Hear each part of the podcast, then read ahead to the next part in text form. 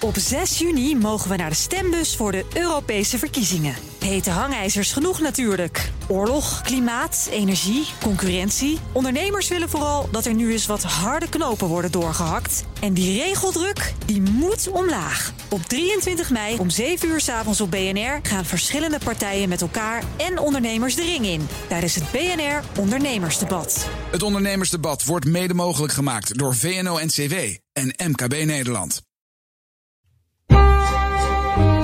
De Perestrooikast. Een blik op Oost-Europa.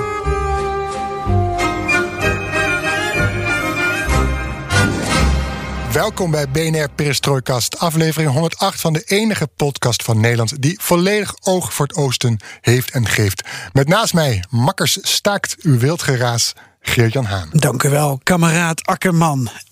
Ik heb er weer zin in. Wat gaan wij doen deze aflevering? We zitten bovenop het nieuws. De clash aan de Pools-Wit-Russische grens. Die bespreken we met de Belarusse schrijver Sasha Filipenko. Hoe kijkt hij naar de migrantencrisis? Ja, daarnaast aandacht voor de verkiezingen en de formatie in onze regio. En dat zijn er meerdere. Het is een uh, bijzondere tijd, bijzondere week, mag ik wel zeggen, voor landen als Tsjechië, Roemenië en Bulgarije. En ook een uitgebreid gesprek over groene energiediplomatie met Kazachstan. Nou, je maakt het weer heel aantrekkelijk op deze manier. Moet ik nu al met een mop, met een mop komen dan of zo? Een, een mop over uh, groene energiediplomatie. Ja. Lijkt me goed. Schud ik even Ja. uit. Het, het is wel echt een heel relevant onderwerp. Er is natuurlijk een klimaattop nu aan de gang. En eh, Kazachstan is gewoon een heel interessante casus. En daar Ja. is eh, onderzoek naar gedaan. Dus daar gaan we straks eens even over doorpraten. Met Louise van Schaik van Klingendaal. Ja, haar titel?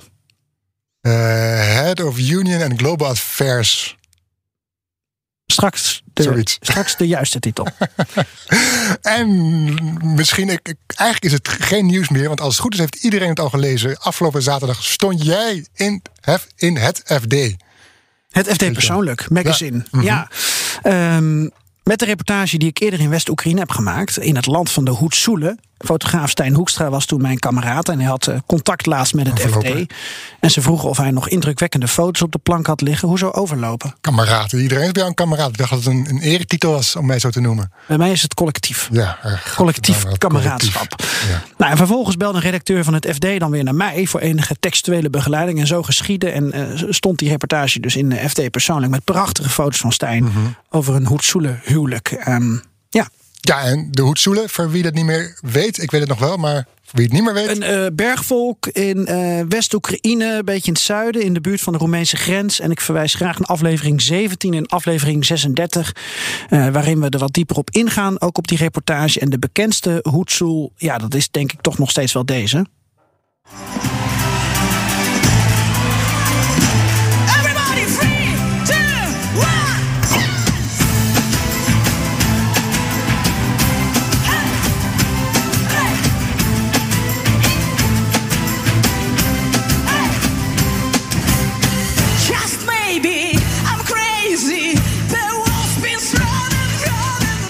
Herken je haar? Natuurlijk. Ik droom over haar. Je droomt over haar. Ja. Ze is wel iets ouder geworden nu, hè? Ja, allemaal. Dat maakt jou niet uit. Nee. Nee. Oké, en we hebben hem op van Joost. Precies, en je weet het inmiddels, alles ten oosten van de rivier de Elbe kan de komende weken, maanden, jaren in deze podcast worden besproken. En wat leuk is, is dat wij heel sociaal en democratisch zijn... en dat je ideeën kunt inbrengen via Twitter, het Perestrooikast... of mail ons op perestrooikast.bnr.nl. We zitten bijna op 2000 volgers op Twitter. Het zou mooi zijn als we dat gaan halen, Floris. Want dan gaan we iets leuks doen. Hebben we afgesproken, toch, met onze volgers? Oh, ja. Heb ik afgesproken, blijkbaar, met mijn volgers. Ja. Eh, en we doen wat met jouw tips ook. Ik ben Floris Akkerman Ik ben Geert-Jan Haan. en dit is BNR Perestrooikast.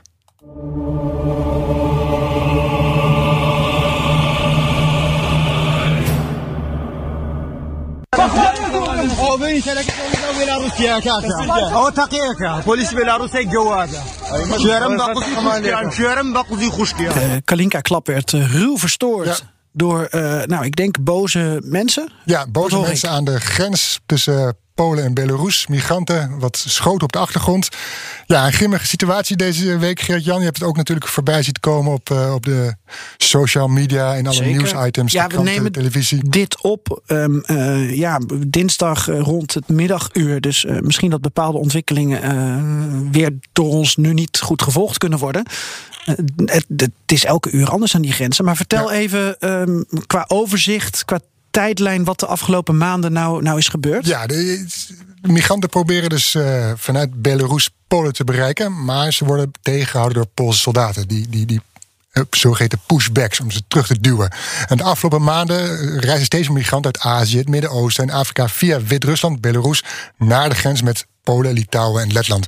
En van daaruit proberen ze dan de, eh, op die manier proberen ze de EU binnen te komen.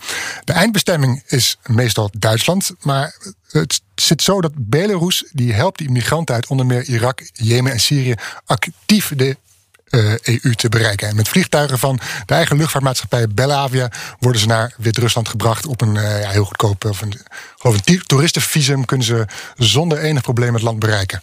Dus als ik het goed begrijp, die, die migranten of asielzoekers eh, of vluchtelingen of van alles wat, die mensen in ieder geval, die proberen de Europese Unie te bereiken. Mhm. En dan komen ze met een zak met geld, al hun spaargeld Ja, waarschijnlijk. zo met, En, en, en dat wordt dan gefaciliteerd vanuit Minsk. Zo van jongens, eh, wij hebben wel een route voor jullie. Zo kun je het zeggen. Stap Want op het vliegtuig. De, de route naar, via, vanuit Turkije, dat is allemaal met gammele bootjes. En nu worden uh, met, uh, met het vliegtuig even tot aan het drempel van de Europese Unie gebracht. Ik bedoel, uh, je bent vanaf Minsk ben je zo natuurlijk in, in, in richting Polen en de Litouwse grens bijvoorbeeld. Oké, okay, noemen, we, noemen we nog even een, een, een, een, een media outlet, Reformatorisch Dagblad. Ja, daar werk je ook voor. Ja. En jij had een interview in Amsterdam met de Belarussische schrijver Sasha Filipenko. Mm -hmm. Waarom was dat en heeft dat dus ook met dit onderwerp te maken? Ja, dat was naar aanleiding van zijn boek De X-Zone, uh, dat op de Nederlandse markt uh, deze maand is verschenen. Ik vertel je zo meer over het boek. Maar hij is ook iemand die betrokken is bij het politiek. Uh, hij sprak zich uit tegen Lukashenko, deed mee aan de protesten vorig jaar in Minsk. Dus ja, ik, ik sprak hem juist op het moment dat die beelden van die migranten de wereld overgingen. Dus ik vroeg hem ook ja, wat het idee is van Lukashenko met die migranten. En uh, hierbij een fragment van het gesprek met hem. Я думаю, что он пытается атаковать Европу, он пытается мстить Европе за то, что Европа вводит санкции, он пытается развязать конфликт, но что на самом деле он хочет сделать, я не знаю, это нужно спросить у Лукашенко. Wat Filipenko zegt is dat Lukashenko probeert Europa aan te vallen. Hij probeert de wraak te nemen op Europa voor het feit dat de Europese Unie sancties heeft opgelegd aan uh, Wit-Rusland, aan Belarus. Hij probeert Lukashenko een conflict te ontketenen. Maar wat hij echt wil, daarvoor moet je bij uh, Lukashenko zijn. In het uitgebreide gesprek dat ik met Filipenko heb, uh, zegt hij nogmaals dat Belarus uit is op een oorlog met de Europese Unie om zodat uh, Lukashenko intern weer de repressie kan opvoeren in eigen land. En hij vergelijkt daarmee Belarus is het keffertje, het, uh, het kleine hondje dat blaft, met Rusland als grote hond uh, achter zich dat ermee instemt wat Lukashenko doet. En, en, hij noemt hem een sluwe politicus die op deze manier al 26 jaar aan de macht is. Ik kan ook gewoon zeggen dat het een lul is. Ja, kun je ook zeggen. Zeg, je vroeg hem ook over de werking van de sancties? Ja, daar, is hij, daar zei hij het volgende over.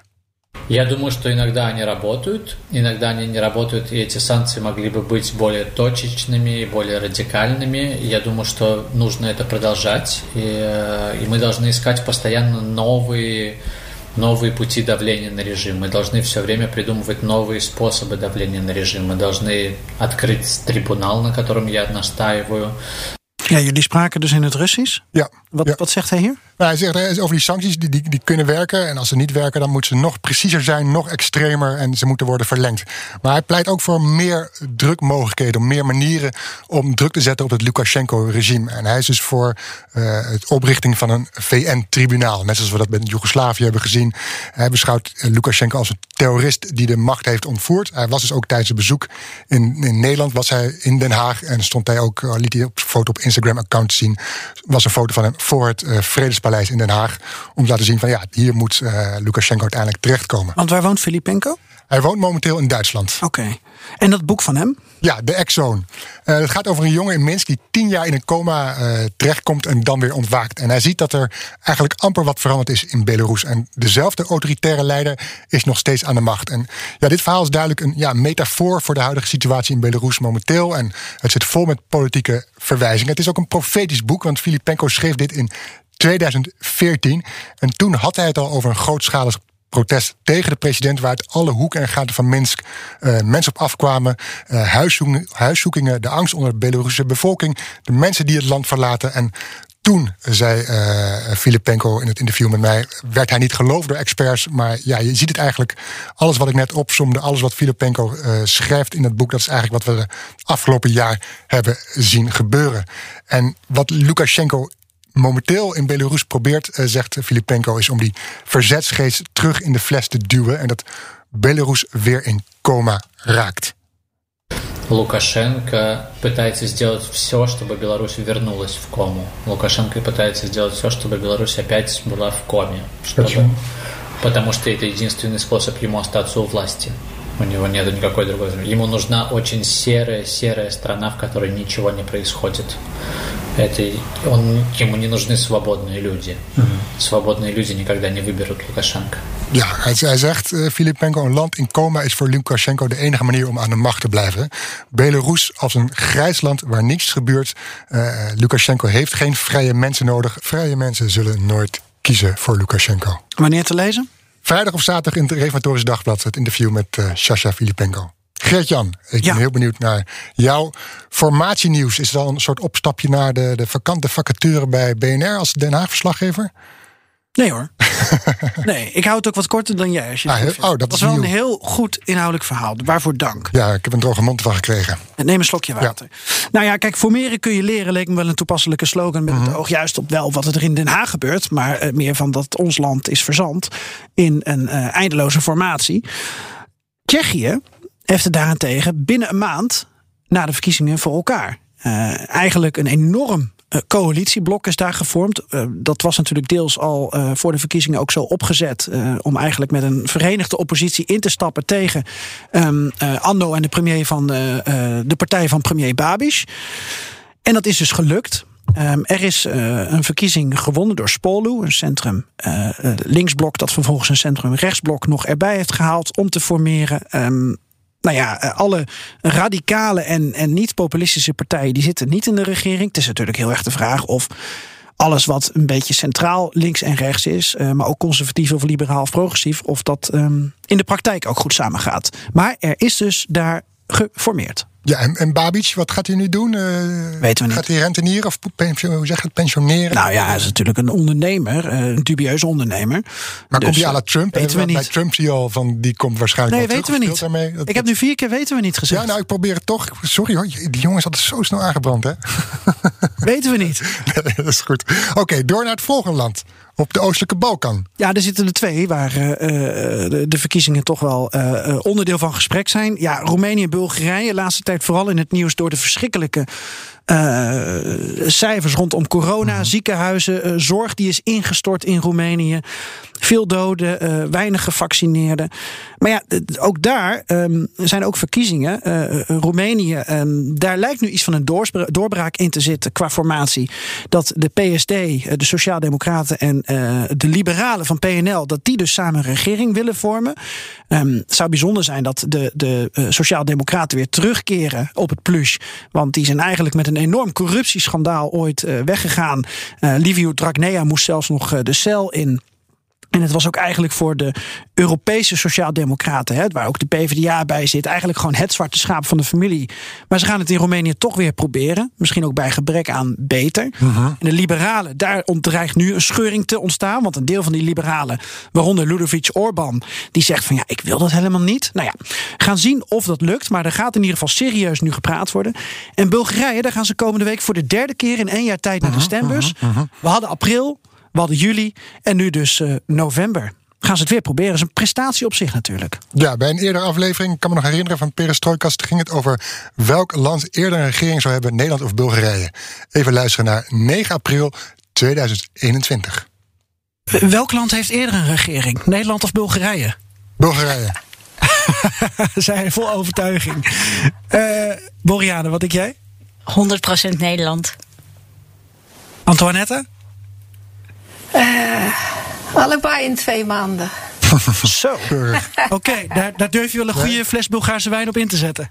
Ja, prima. Dat, Oh, eh, Oké, oké. Dan gaan wij die uitdaging mij aan. gaan ze allemaal, allemaal tegelijk heel moeilijk doen. Oké. Misschien eh, moeten ze bij elkaar om de tafel gaan. Nou ja, Ja. Rutte en Borisov kennen elkaar al een tijdje. Dus eh, Ja, die zijn de oudste twee zittenden, vergeet het niet. ja, Antoinetta Dimitrova hoor je hier. Ja, en, maar die fles wijn, die heeft nog geen bestemming gevonden. Nee, want wij zijn nog niet klaar met formeren. En in Bulgarije hebben ze het na twee korte pogingen opgegeven. En gaan ze nu hun derde verkiezingsronde in. Ik denk dat we sowieso tot 2022 moeten wachten voordat ergens een fles wordt ontkurkt.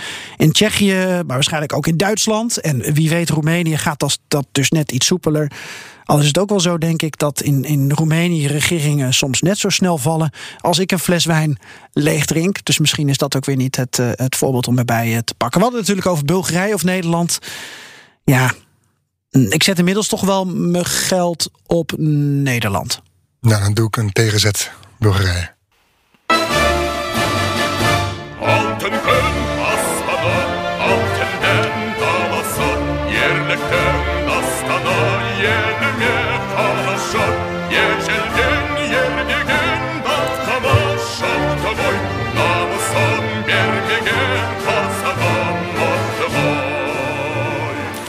Ja, ik vind het blijft het mooiste. Die stem is zo zwaar, zo, zo, zo aanwezig. Ik, word helemaal, ik ga er helemaal van stampen. En de videoclips die er ook altijd bij gemaakt worden van de gouden graanvelden en de blauwe luchten, die ook weer reflecteren natuurlijk Ja, die- in en op de vlag van het land waar we het over hebben. Ja. Schotland. Maar in de buurt. Oh, nee. In de buurt. Ik laat een rijtje getallen horen, Geert-Jan, waar ze momenteel in Glasgow tijdens de klimaattop van gruwelen. Ja, Schotland. Ik zei Ja, het. Precies. Dit land is een megaproducent van alle fossiele brandstoffen. Het staat op de 17e plek in de wereld voor de jaarlijkse productie van ruwe olie.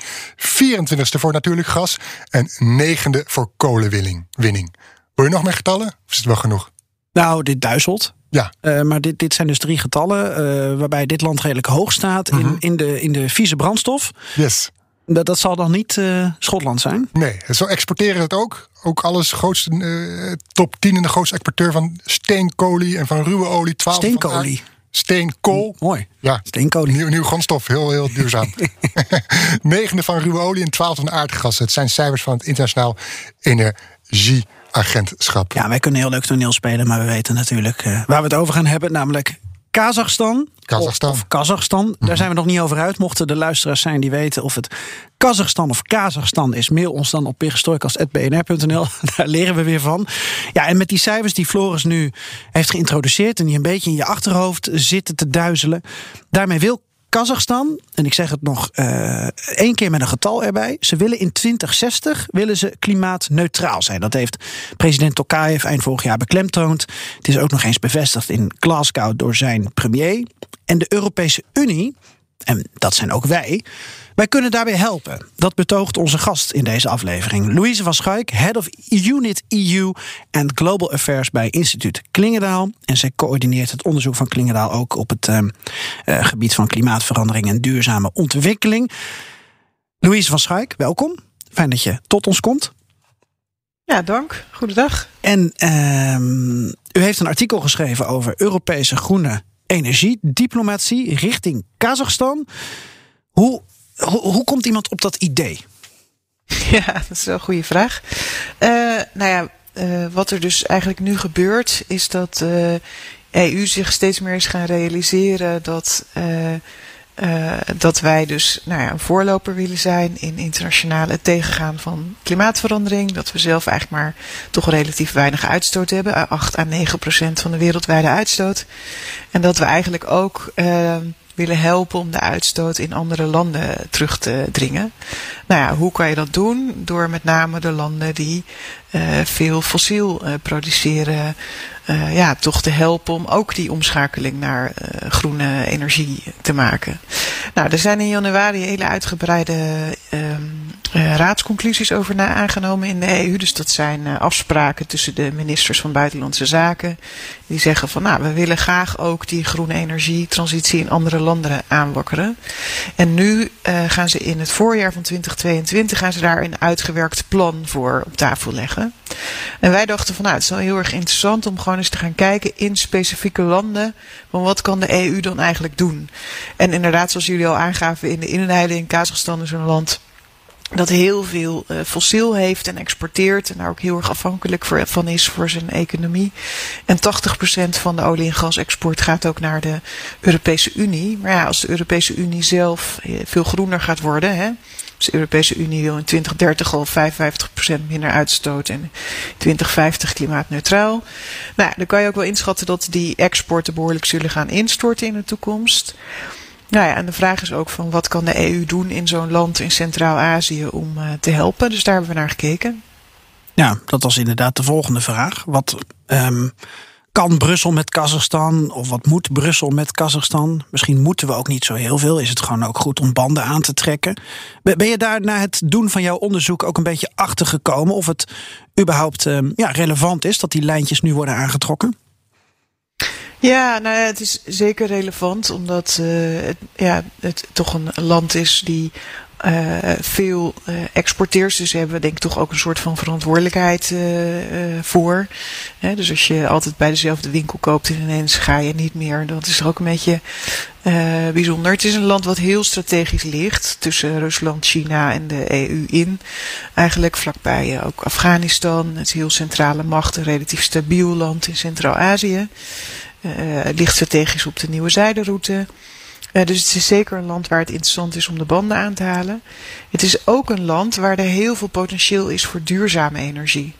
Dus ze zitten goed in de fossiel, maar er is ook heel veel potentie voor gas, wind, groene waterstof. Uh, en um, het is een heel groot land waar ook ja, van alles waarschijnlijk in de grond zit. van grondstoffen, en mineralen die wij weer nodig hebben voor onze eigen groene energietechnologieën en transitie. Ja. Bijvoorbeeld lithium. Nou, voor de telefoons. Dat soort stofjes. Ja. Ja, ja, daar willen we zo wel meer over weten. Ook over die, die groene transitie die uh, Kazachstan dan ook zou kunnen ondergaan. Um, wat mij nog opviel, het is natuurlijk uh, actueel, want uh, in Glasgow is nu de klimaattop. Um, daar zijn uh, allerlei landen bij aanwezig, al dan niet met hun hoogste vertegenwoordiger. ook Kazachstan loopt daar rond in de wandelgangen, is misschien niet de belangrijkste partner, maar zit dus op sommige onderdelen wel in de, in de subtop. En ik zag ook dat er deze week uh, in uh, Kirgizië een uh, bijeenkomst is tussen de Europese Unie en Centraal-Azië, Economic Forum. En daar wordt dus ook uitgebreid gesproken over verdere integratie en verdere samenwerking. Dus het is best wel interessant dat die, die landen elkaar dus op, op dit punt um, weten te vinden. Is dat ineens of heb je het idee dat die groene golf al een tijdje gaande is?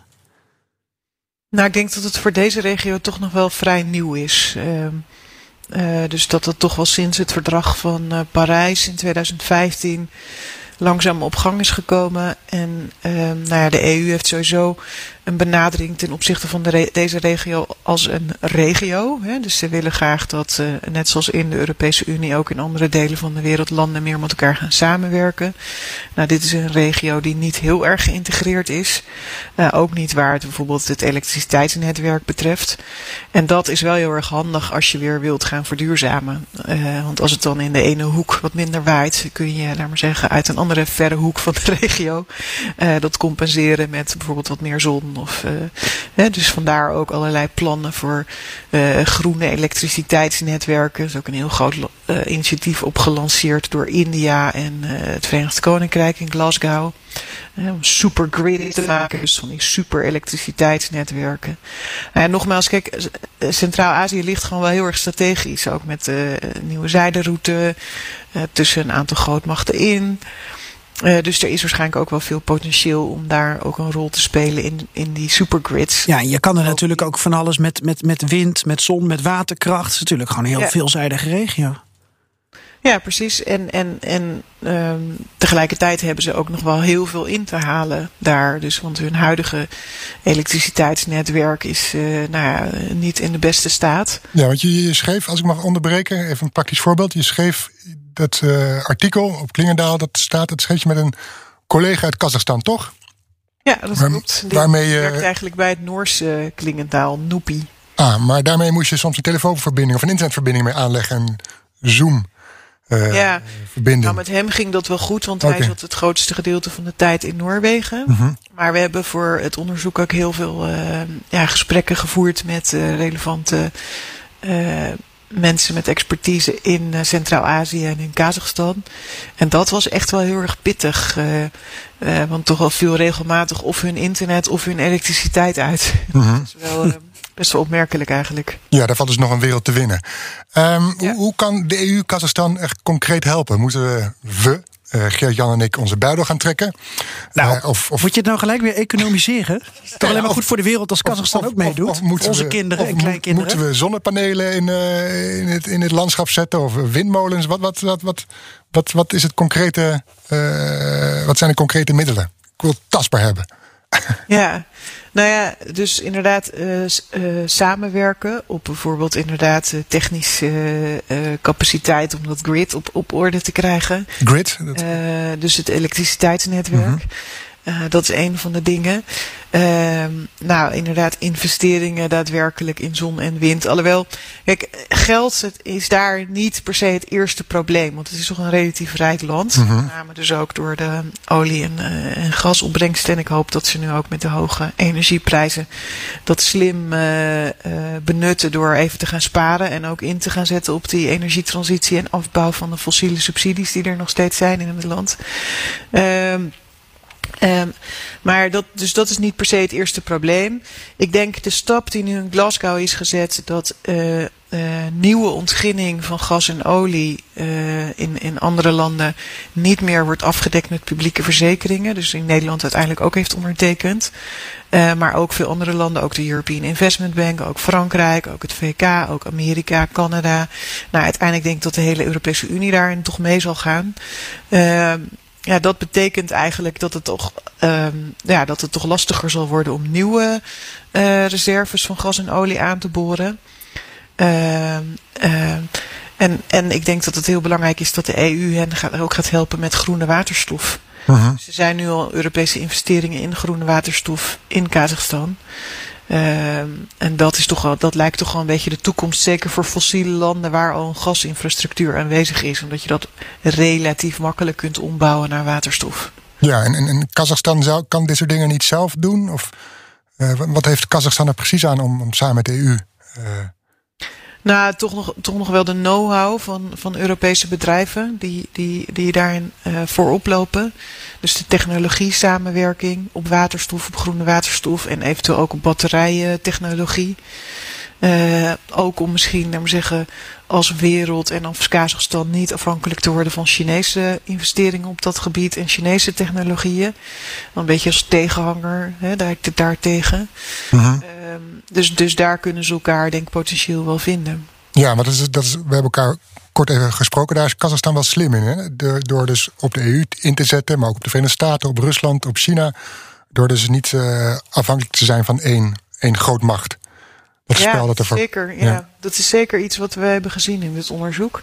En ik vind dat inderdaad ook echt heel erg slim. Ze beseffen heel goed dat als je laten we zeggen, echt overgeeft aan de Chinese investeringen, dat daar ook risico's eh, aan verbonden kunnen zijn. Dat je toch ook afhankelijk wordt van technologie eh, van bedrijven en, en ook met schulden kunt worden opgezadeld die je misschien in de toekomst helemaal niet terug kan betalen.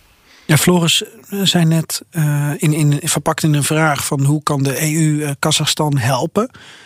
Eigenlijk zit, het niet ook net iets anders? Zijn wij, Europa, is de EU niet dermate dwingend en afdwingend bezig met het zetten van nieuwe standaarden en regels met betrekking tot de, de fossiele brandstoffen en de, de winning daarvan, dat Kazachstan niet anders kan dan eh, meegaan in de standaard die wij zetten. En dus misschien ook daarbij dan onze hulp eh, te accepteren. Ik hoor je een echo van Rob de Wijk.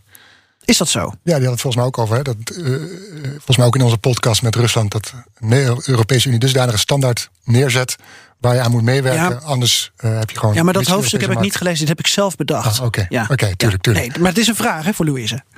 Ja, nou dat is ook eh, tot op zekere hoogte waar. En dat zie je met name ook met dat nieuwe instrument wat de Europese Commissie dit voorjaar ook heeft voorgesteld om een heffing aan de grens, of net voor de zomer, om een heffing aan de grens te gaan instellen. De Carbon Border Adjustment Measure, CBAM. Ik denk altijd aan zo'n zo'n wolkje in een strip, laat maar zeggen, waar dan iemand een, eh, harde, eh, een harde stoot uitdeelt. Hè. En, en dat doet de EU eigenlijk ook wel, doordat ze met dit nieuwe instrument eigenlijk een heffing in de toekomst gaan opleggen aan eh, exporteurs uit andere landen waar niet een CO2-prijs is of een klimaatbeleid wordt gevoerd. Eh, en dan is het dus een heffing op de producten die in de EU onder het emissiehandelssysteem vallen. Dus dan moet je denken aan de grote energiesector, maar ook aan bijvoorbeeld cement- en staalbedrijven, eh, kunstmest.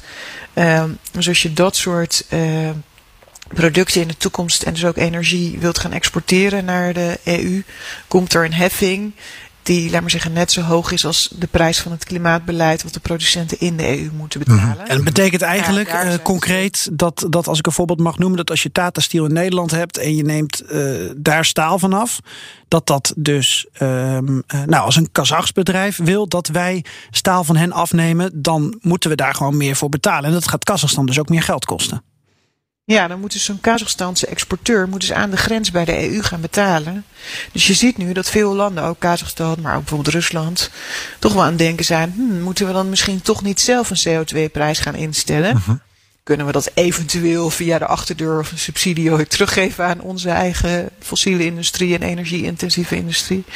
Ehm, maar dan hoeven we in ieder geval niet bij de EU-grens te betalen. Dan komt het gewoon in onze eigen overheidsfinanciën terecht. Ja, En bij Kazachstan is het wel heel erg interessant dat zij al een soort van emissiesysteem hebben opgezet en zijn begonnen. Oh ja. Alleen het is nog een vrij ineffectief eh, systeem tot Oh.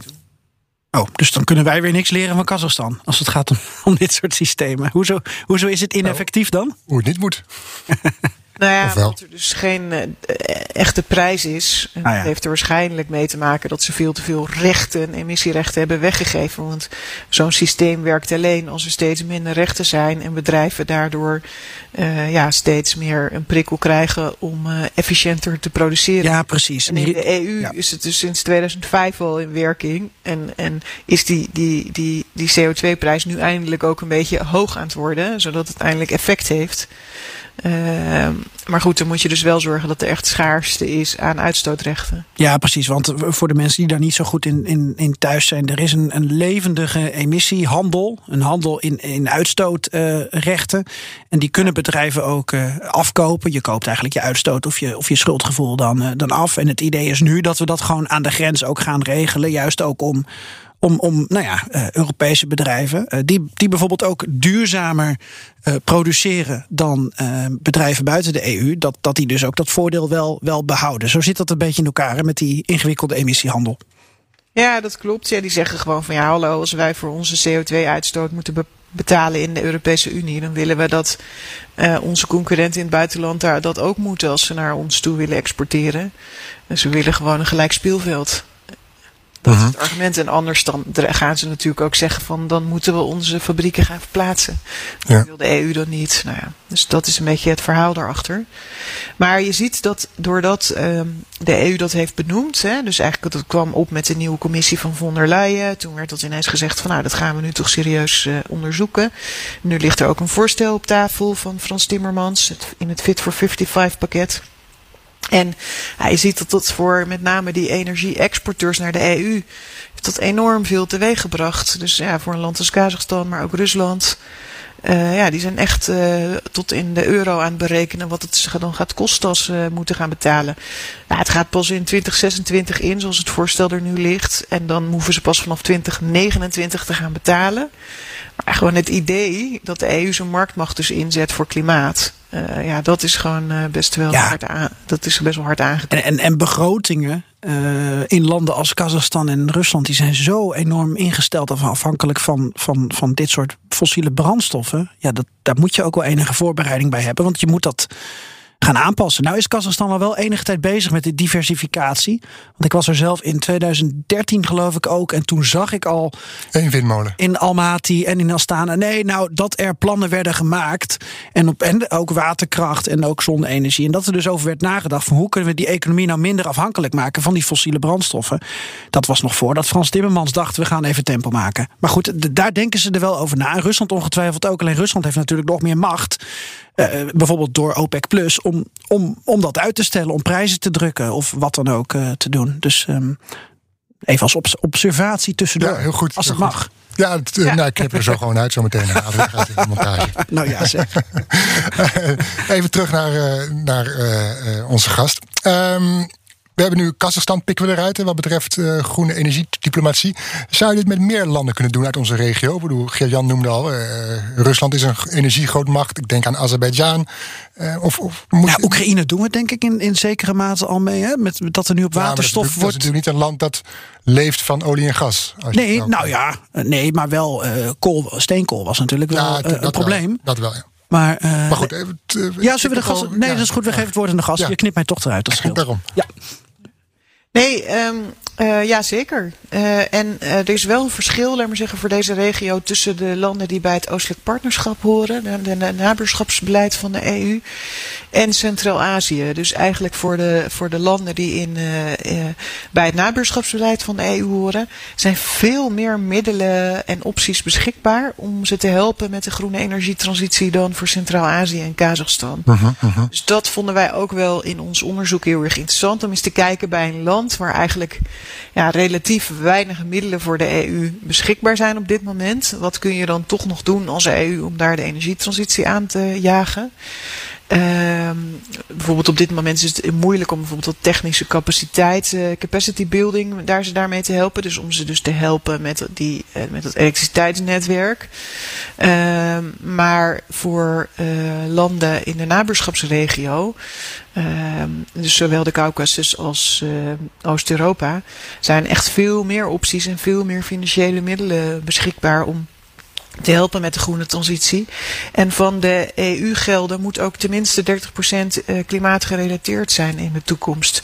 Dus er komt ook gewoon veel meer geld en aandacht eh, voor, laat maar zeggen, het ondersteunen van klimaatbeleid en energietransitiebeleid in die, in die regio's. Ja, jij, jij zegt, eh, waar we het gisteren over hadden in de voorbereiding, als het in Kazachstan lukt, lukt het ook in andere landen.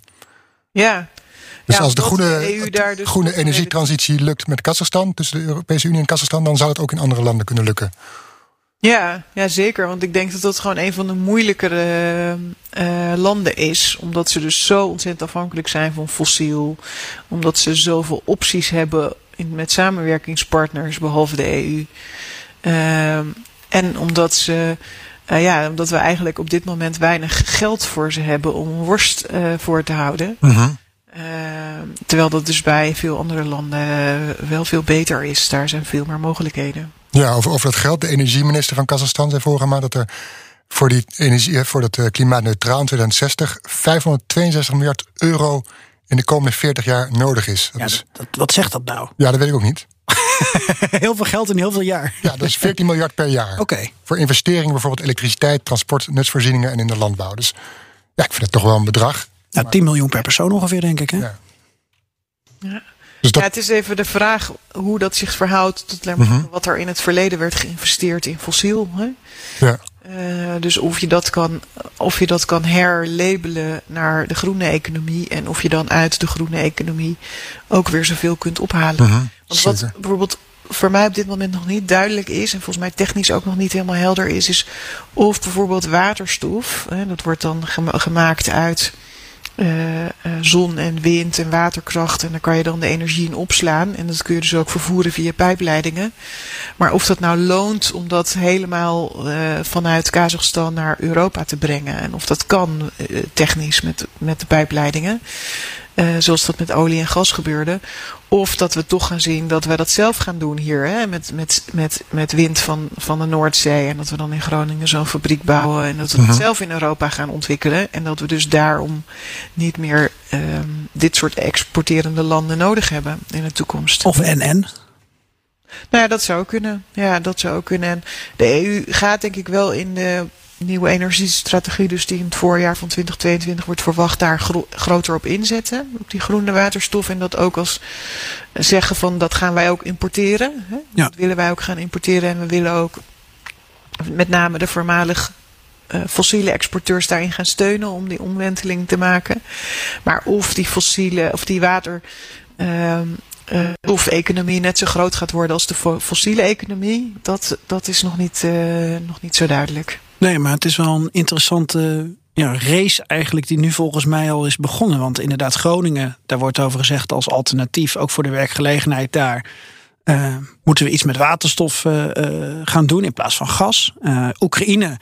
Oekraïne Daar wordt het nu ook gezegd, hè, omdat eh, door Nord Stream 2 ehm, en ook door de uitfasering van gas uiteindelijk eh, bijvoorbeeld een land als Duitsland heeft gezegd van nou we geven jullie een, miljard euro of dan willen we investeren in jullie waterstofeconomie. Dat wordt als het, als het ware als een soort alternatief nu aangeboden. Nu heb je Kazachstan, die volgens mij met een project bezig zijn, maar daar weet u meer van mevrouw van Schaik, dat, dat ze de, het grootste project ter wereld op het gebied van groene waterstof aan het realiseren zijn. Nou ja, dan kan je wel stellen dat de race is begonnen. Zeker, ja. Ja, dus dat is echt razend interessant. Wat ook razend interessant is, is dat alle crypto mining was verschoven van China naar Kazachstan. Oh ja. Omdat dus de elektriciteit Nou, daar dat is behoorlijk vervuilend, toch? Ja, dat, dat is Ja. wel een mooi verhaal. Dat moet je toch even vertellen, inderdaad. Nou ja, wat er dus is gebeurd was dat, dat omdat de elektriciteit in het land zo eh, goedkoop is, dat het dan dus heel interessant was geworden om daar de, de crypto-computers aan te zetten. Want je hebt dus heel veel elektriciteit nodig om cryptomunten te maken. Eh, en, ehm maar goed. Dus was ineens Kazachstan daar geloof ik de grootste, het grootste land in de crypto-productie geworden. Maar de, de regering daar was er geloof ik ook niet heel eh, blij mee. Dus er wordt geloof ik nu wel beleid in gang gezet om dat weer af te remmen. Ehm, eh, maar dat is dan, laten we zeggen, zo'n soort van negatief bijeffect. Hè? Net zoals dat je in Nederland ziet dat dan hele grote windparken worden aangelegd. En dat er dan ineens allemaal datacenters uit de grond Ja, ja. eh, schieten. Ja. Nou ja, iedereen is aan het zoeken. Kazachstan dus ook. Ja, Ehm, ja precies. Ja. Ja, dit, dit klinkt allemaal heel mooi hoor, wat je op papier hebt geschreven. En het klinkt ook, eh, wat je nu zegt, fraai en veelbelovend.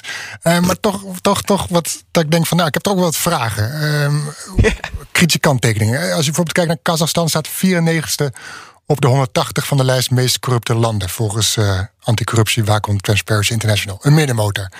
Dan denk je toch als Europees bedrijf, maar moet ik dan wel in die Kazachse wereld stappen? Is dat wel aantrekkelijk? Want voor je het weet... eh,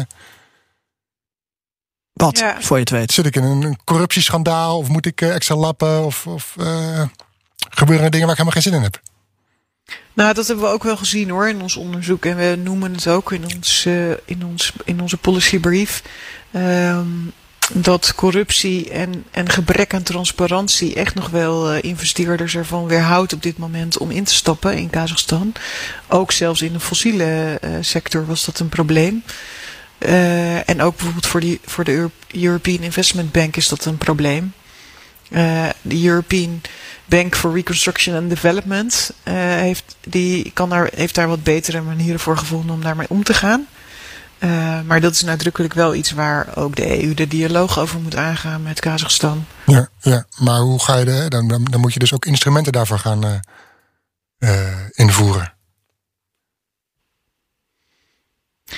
Ja, ik, ik weet niet of de EU daar echt instrumenten voor kan invoeren. Ik denk dat je alleen een land kan oproepen om zelf dat wat harder aan te gaan pakken. En misschien een soort van beloning in het vooruitzicht kan stellen als dat ook gebeurt. Eh, Ja. In de zin van, dan wordt het aantrekkelijk voor onze, ehm, onze waterstofinvesteerders om nog meer in jullie land te gaan doen. Ja, want, want ja, Kazachstan zit, in de Euro-Aziatische Euro-Aziatische Unie. Het, het heeft geen handelsakkoord met de Europese Unie. Het is geen associatieakkoord waarin allerlei eh, eh, ja, criteria in staan waar je als land moet voldoen om met de Europese Unie handel te drijven. Wat andere voormalige Sovjetlanden wel hebben. Precies, zoals eh, Oekraïne bijvoorbeeld. Ehm, het heeft ook een Het is beetje. wel een handelsverdrag, ja, niet een, eh, een, een associatieverdrag inderdaad. Wel met, as- met Kazachstan associatieakkoord? Nee, een los handelsverdrag. Oh, een loshandelsverdrag, oké. Ja, ja. Eh, maar ze- is, is, biedt dat genoeg? Je stipt het al aan, hè? ze zitten ook niet in dat oostelijk partnerschap met de Europese Unie. Dat samenwerksverband tussen Brussel en de voormalige Sovjet-Unie- eh, Sovjetlanden.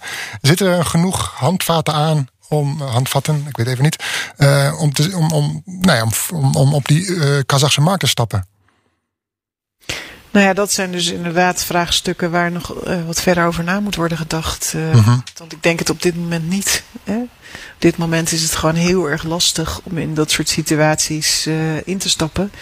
En we hadden natuurlijk ehm, in de Europese Unie met een aantal landen hadden we die Energy Charter Treaty, op basis waarvan eh, nu buitenlandse investeerders in Nederland kunnen zeggen van hey, als je je kolencentrale dichtgooit, eh, dan, eh, dan willen we graag een schadeclaim. Maar die, die Energy Charter Treaty hadden we afgesloten op die manier, omdat dan onze investeringen in derde landen werden beschermd. Hè? Van, laat maar zeggen, overheden die ja, zouden ingrijpen op manieren waarop de Europese investeerders niet zo blij van worden. Eh, nou ja, en, en dat- denk ik, eh, zo'n soort afspraak zul je denk ik wel weer moeten gaan maken. Ook voor duurzaamheids, eh, duurzame energie-investeringen in, in, in landen, in de, in de voormalige Sovjetlanden. Eh, maar dat ligt nu wel echt extreem gevoelig, omdat ze dus met die Energy Charter Treaty onszelf ontzettend in de vingers hebben gesneden. Ja, ja. En, wat, wat me ook opviel aan je artikel, ehm, ik ga even in één adem door, ik st- stop even twee vragen in één.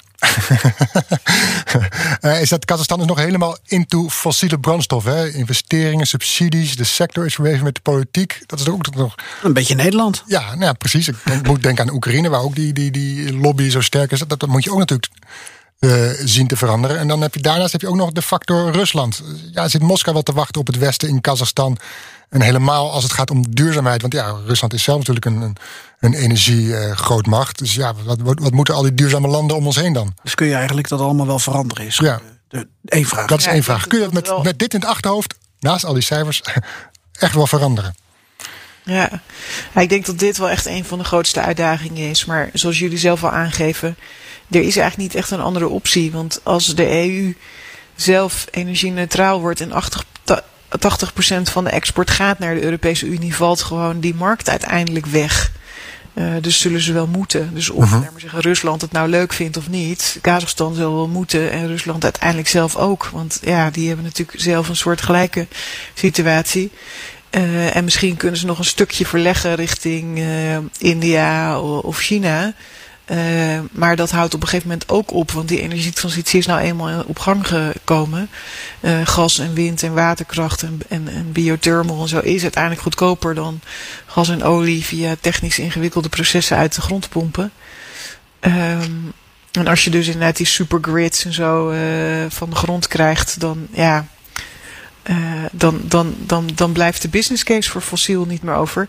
En daarmee denk ik dat ook weer een deel van de, de, de corruptie en de verdienmodellen in die sector eh, eruit zullen gaan. Eh, dus in dat opzicht ehm, ja, zou het ook nog wel eens interessant kunnen worden. Het zou natuurlijk kunnen dat de waterstofsector weer hetzelfde Ja, ik het zeggen. gaat doen. Eh, eh, maar ja, da- daar moeten we dus denk ik gewoon een beetje op letten nu. Laatste vraag. Normaal gesproken is uw werkterrein de Europese Unie en alles wat ermee samenhangt. Nou, dat geldt natuurlijk hier ook voor. Maar ineens was er toch ook een enorme verdieping dus in, in Kazachstan. Eh, wat, wat, wat blijft er nou van, van, van bij? ehm, van, van wat u daarvan heeft geleerd? Eh, nou ja, je kan er dus ook eh, crypto-munten minen. Maar ehm, eh, ja, w- w- wat valt u nou op aan dat land? Wat zou u kunnen concluderen? Nou ja, ik denk vanuit een EU-perspectief eh, hebben natuurlijk best een grote mond hè, over de klimaat- en energietransitie. Maar zie je toch dat je in een land als Kazachstan relatief weinig op dit moment kunt doen. Hè, omdat ze dus geen onderdeel zijn van je nabuurschapsbeleid. omdat je inderdaad niet een uitgebreid handelsverdrag hebt. Je hebt wel een handelsverdrag, maar met beperkingen. Eh, je hebt geen financiële middelen. Ze zijn een relatief rijk land. En dit zijn toch de landen waar de energietransitie ook moet gaan plaatsvinden. Dus als je vanuit een klimaatperspectief het verschil wil maken, zul je ook Kazachstan, maar bijvoorbeeld ook, weet ik veel, Colombia, ehm, Mozambique in Afrika, nou, zul je ook Al- Algerije, zul je ook dit soort landen die wat rijker zijn, hè, de, de petrostaten, zul je ook mee moeten gaan krijgen. Eh, en dan zul je toch over na moeten gaan denken in je internationale groene energiebeleid. eh, wat voor instrumenten je daarvoor ontwikkelt en hoe je dat gaat aanpakken. Ja, maar dat is dan weer iets voor andere podcasts. Want onze regio is groot. We doen veel landen, maar Colombia, daar moeten we maar niet aan beginnen, Floris. Want dan eh, Nou, zit- kunnen we alles bespreken. Er zitten zit vast wel banden tussen Oost-Europa en Colombia. Gaan we uitzoeken. Ja, ik denk Ja, inderdaad precies. dat eh, Follow the money. Azerbeidzjan ook eh, eh, heel erg interessant is. De huidige EU-ambassadeur in Kazachstan komt eh, net uit die regio. Kijk. Eh, en die eh, nam ook veel van die, die expertise mee. eh, en die was ook echt heel erg in geïnteresseerd in ons werk. Ja. Mooi, mooi onderzoek. Veel, eh, veel succes dan. Ik hoop dat, eh, dat Kazachstan nog een beetje op het netvlies eh, blijft dan van, van Klingendaal. Ja, zeker. We hebben donderdag dus eh, nog een event erover. Eh, en eh, nou, binnenkort bestaan ze ook 30 jaar. Hè? Eh, 16 december. 30 jaar onafhankelijkheid als eigenstandig land. Dus het is zeker voor ons interessant. En we doen ook steeds meer ja, richting India en, en regio's voor ons interessant. Ja. We blijven dat wel op het vizier houden. Ik stel voor om in 2060 eh, te kijken, de balans op te maken, Geert-Jan, met Louise van Schaik. Te kijken hoe het met Klimaatneutraal zijn. Ja, dat is Kazachstan wel, eh, klimaatneutraal is, ja. ja, dat is Aflevering ook wel grappig. 300.024 van de Perestrooikast. Wat, wat wou je nog eens toevoegen? Nou, dat is natuurlijk ook wel heel erg interessant. Dat op een gegeven moment China zegt van we willen klimaatneutraal zijn in 2060. En nu onlangs ook eh, Rusland en net iets daarvoor ook Kazachstan. Je ziet dat alle landen toch wel mee willen gaan. En India heeft nu gezegd 2070. Oké. Maar dat is eh, echt allemaal wel heel erg Ik ver. weet niet of, of ik dat haal om nog met jullie na te bespreken. Maar we gaan ons best doen. Tot die tijd, eh, hartelijk dank. Louise van Schaik, Head of Unit EU and Global Affairs. Netjes, Bij netjes. instituut Klingendaal. Ja, gewoon even ademhalen. En coördinator van het Klingendaal onderzoek naar klimaatverandering en duurzame ontwikkeling.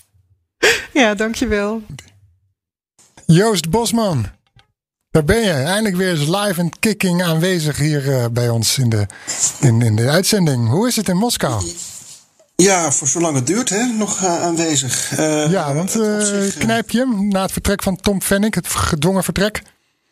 Je collega? Eh, nou, ja, daar hangt toch wel een, een, een klein grauwsluiertje over het eh, correspondentenvolkje hier. Want wij zitten ook allemaal met van, ja, vragen van, van hoe gaat het verder met, eh, met ons? Wat gaan ze nog meer doen? Hè? Willen ze nog meer? Of, of ervan uitgaan dat dit toch wel een soort politieke beslissing was. eh, Waar we wel vanuit mogen gaan, denk ik. Ehm, ik moet half januari mijn accreditatie verlengen. Ik ben als eerstvolgende aan de beurt. Dus iedereen kijkt met spanning eh, naar mij nu, wat er met mij gaat gebeuren. Ja. Eh, we zullen het zien. Ik moet mijn eh, papieren inleveren, waarschijnlijk. En weer, want ik heb dat in eind augustus al gedaan. Dus dat zou eigenlijk nog moeten lopen, die procedure. Ehm, maar ik hoor vandaag of morgen of ik die papieren opnieuw moet inleveren. En dan kijken wat er gebeurt. Ja, want is, er- is er iets nog contact geweest tussen de Russische autoriteiten en de journalisten, correspondenten? Van ja, hoe, hoe hangt de vlag erbij? Of tasten jullie wat dat betreft echt in het ongewisse? Ja, eh, zelfs eh, in diplomatieke kringen krijgen ze er niet altijd evenveel eh hoogte van wat er op dat ministerie van Buitenlandse Zaken, gebeurt en op die persdienst. Ehm, en, en ja, wij zijn wel in, in, in contact met een curator, een contactpersoon, zeg maar. Maar die geeft soms ook dubbele signalen, antwoordt soms niet. Eh, antwo- antwoord soms te laat. Of, of, of nou ja, daar, daar, daar kunnen we ook niet zo gek veel wijs uit. En het gek is dat zij ook helemaal niet aan ons eh vermeldt over Tom. Wat daar nou mee aan de hand is geweest en wat er gebeurd is. Eh, ja, dat is gewoon door, het, eh, door de top van het ministerie eh, bekendgemaakt. En, en eh, daar is later ook nog wel een, een hogere kring op gereageerd. Ja. Maar eh, het is alsof het niet gebeurd is. En dat is een beetje bevreemdend. Ja. Maar Maria, Terwijl we weten. Maria Sagarova geeft toch elke vrijdag een persconferentie? Als ik het goed heb. Donderdag, donderdag. Welke donderdag? Ja, eh, is dit niet een, eh, een, vraag voor haar? Wat, wat, eh, wat zijn jullie van plan? Nou ja, die persconferenties eh, die zijn tegenwoordig online alleen vanwege Hmm. corona. Ik, ik, heb, ik, ik, heb, ik ben er al eigenlijk eerlijk gezegd eh, al jaren niet meer geweest. Ehm, het punt is, je mag daar eigenlijk geen kritische vragen stellen. Dat is niet de bedoeling. Dat is toch geen kritische Eh, vraag? Nou ja, zo wordt dat wel eh, beschouwd waarschijnlijk. En, en eh, dan, dan, dan wordt ze heel kribbig. En, Mhm. en het is absoluut eigenlijk niet de bedoeling dat je eh, vragen stelt die haar in verlegenheid kunnen brengen. Die het haar feestje gedaan kunnen verpesten. en, eh, Juist, en het is eigenlijk een grote Maria-show. En Mhm, ja. ik heb het één keer gedaan en, en toen kwam ze toch wel in lichte paniek eh, na afloop op me afrennen van wie bent u en wie vertegenwoordigt u. En, en, en. Nou ja, dat, dat werd niet op prijs gesteld, nee. Ja, ja. Oké, maar je bent ondertussen wel, even heel kort, gelukkig nog wel op reis geweest buiten Moskou. Dat kan nog altijd. Ja hoor, ja. Alleen het punt is dat, dat je dan eigenlijk toch weer moet laten registreren als je terug bent. Ja, want dat is het. hè, eh, daar had ik het met Steven Dirks in de vorige aflevering Perestrooi kort een beetje was er een duidelijkheid over. Maar als je Moskou verlaat en je gaat in jouw geval dit keer naar Kazan en je komt terug in Moskou, dan moet je opnieuw registreren voor elke stap die je buiten Moskou zet. Ja, voor zover ik weet was dat altijd wel Ja, dat, zo. had ik, maar ik dat dacht ik ook. Ja, ik zie zelfs dat, dat er binnen het ministerie, de persdienst, eh, eh, eh, dat daar ehm, eh, onduidelijkheid over bestaat. Ehm, ons contactpersoon antwoordde aan een van mijn collega's hier, Nederlands collega's hier, dat ze dacht dat dat wel zo was, maar dat, dat, dat diegene, die collega, dat maar niet voor zoete koek moest slikken, omdat zij ook geen expert was. Nou ja, Oftewel, ik durf de verantwoordelijkheid niet aan. juist, eh, wij, wij weten het ook niet. Nee, dat is, dat is het beste dat je Eh, kan antwoorden soms in dit geval. Misschien wel, misschien wel. Maar goed, eh, wie neemt het ons dan kwalijk als wij ons niet laten registreren en, en, en vervolgens een boete krijgen en zeggen: ja, sorry, wij wisten dat niet. Dan kunnen ze dan ons ook niet kwalijk nemen. Natuurlijk. nee, Maar dat- maar dat dat, daar, hebben ze, daar, daar hebben ze dan uiteindelijk weer geen boodschap aan als je dat gaat zeggen. En Als- dat als is waar. Dat is dan weer de, de, de, Russische, de Russische willekeur in full swing natuurlijk. Ja, Eh, ja. Die zul je dan zien. En, en, en eh, zoals Tom toch ook wel eh, ja, tamelijk willekeurig eh, slachtoffer is geworden van de hele situatie. Ja, goed. ja. Maar goed, je was wel even in Kazan dus. Ik was even in Kazan, een bliksembezoek van het weekend Ja. inderdaad. En wat voor verhaal dook je daarop? Nou, ik moest, ik moest voor de Wereld AIDS-dag op 1 december eh, moest eh, eh, een, een portret opmaken van een, een, een, een Russische transgender die HIV besmet is. Dus dat is een tamelijk traag verhaal, maar ook wel weer een tamelijk indrukwekkend verhaal hoe deze vrouw zich er doorheen slaat. Eigenlijk eh, immuun is geworden voor alle stigma's die ze, waar ze al haar hele leven mee te maken heeft. Stigma's als. Eh, nou ja, eh, ze is geboren in Noord-Ossetië in de Caucasus. Eh, nou niet de meest ruimdenkende re- Nee. regio van, van Rusland natuurlijk. AIDS ze is, homoseksualiteit is. ja, nou ja, van, van, van kinds af aan, van jo- jongs af aan, voelde zij dat zij, toen, die nog, toen ze nog een man was, eh, ja, toch eigenlijk van, van geslacht wilde veranderen. En zich ook vrouwelijker begon te gedragen. Nou ja, daar reageerde haar eh, eh, omgeving nou niet bepaald met begrip op, natuurlijk, zul je begrijpen. En, en eigenlijk is ze door haar familie min of meer wel verstoten. Ze komt nog één keer per jaar komt ze daar om, om haar moeder te zien en broers en zus. Maar die moeten eigenlijk niet meer zoveel van haar hebben. en dan heeft ze ook nog AIDS, of niet? Of, Eh het goed? HIV besmet is. eh, ja, oké. mhm, ja. En dat kan tot aids leiden, maar dat, als je maar de medicijnen slikt, dan eh, hoeft het zover niet te komen. Nee. Ja. Bijzonder. En wanneer kunnen we dat horen en lezen? Eh, op 1 december. Bij? Het, wordt, eh, het is een verhaal eh, in opdracht van het AIDS-fonds eh, in Nederland. En het wordt een inlegvel met een aantal van dit soort stukken. Ehm, ik meen dit jaar alleen bij NRC Handelsblad. Vorig jaar was het ook in Trouw en nog een andere krant. Ik weet niet meer precies wie. Maar ik begreep dat het dit jaar alleen bij NRC was. Oké. nou. Even tijd voor wat lucht, voor wat lichters. Je specialiteit eigenlijk wel, hè? Waarmee je eigenlijk je correspondentschap eh, nou, de meeste kleur geeft, moet ik eigenlijk wel zeggen. Ik doe niet anders. De mop, Joost, de mop. Kom maar door. Ja. Nou, eh, er is een nieuwe feestdag ingevoerd door de Russische regering. En eh, dat is de Dag van de Nuchterheid. En nu is er onderzoek geweest door het Levada-instituut. En er is uitgekomen dat 90% van de Russen geen idee heeft hoe ze deze dag moeten gaan vieren.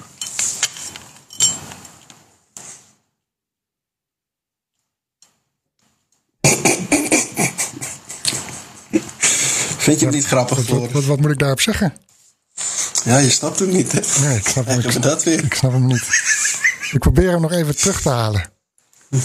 Ja, Gert-Jan is even, moest eerder weg, dus die is er niet om mij, eh, om mij te helpen. Of om in ieder geval als enige Nou, hier te lachen. normaal, normaal gesproken heb je er ook niet zoveel, niet zoveel aan, denk ik. Want hij, eh, Hij snapt ze meestal ook niet. Dat is jullie probleem een beetje. Hè? Dat klopt. Ja, ja, Klopt. Ja, ja. Nou, eh, ik ga er nog eens over Denk uh, erop op eens. kouwen. Dankjewel. Is goed. Малинка, калинка моя, в саду ягода, малинка, малинка моя.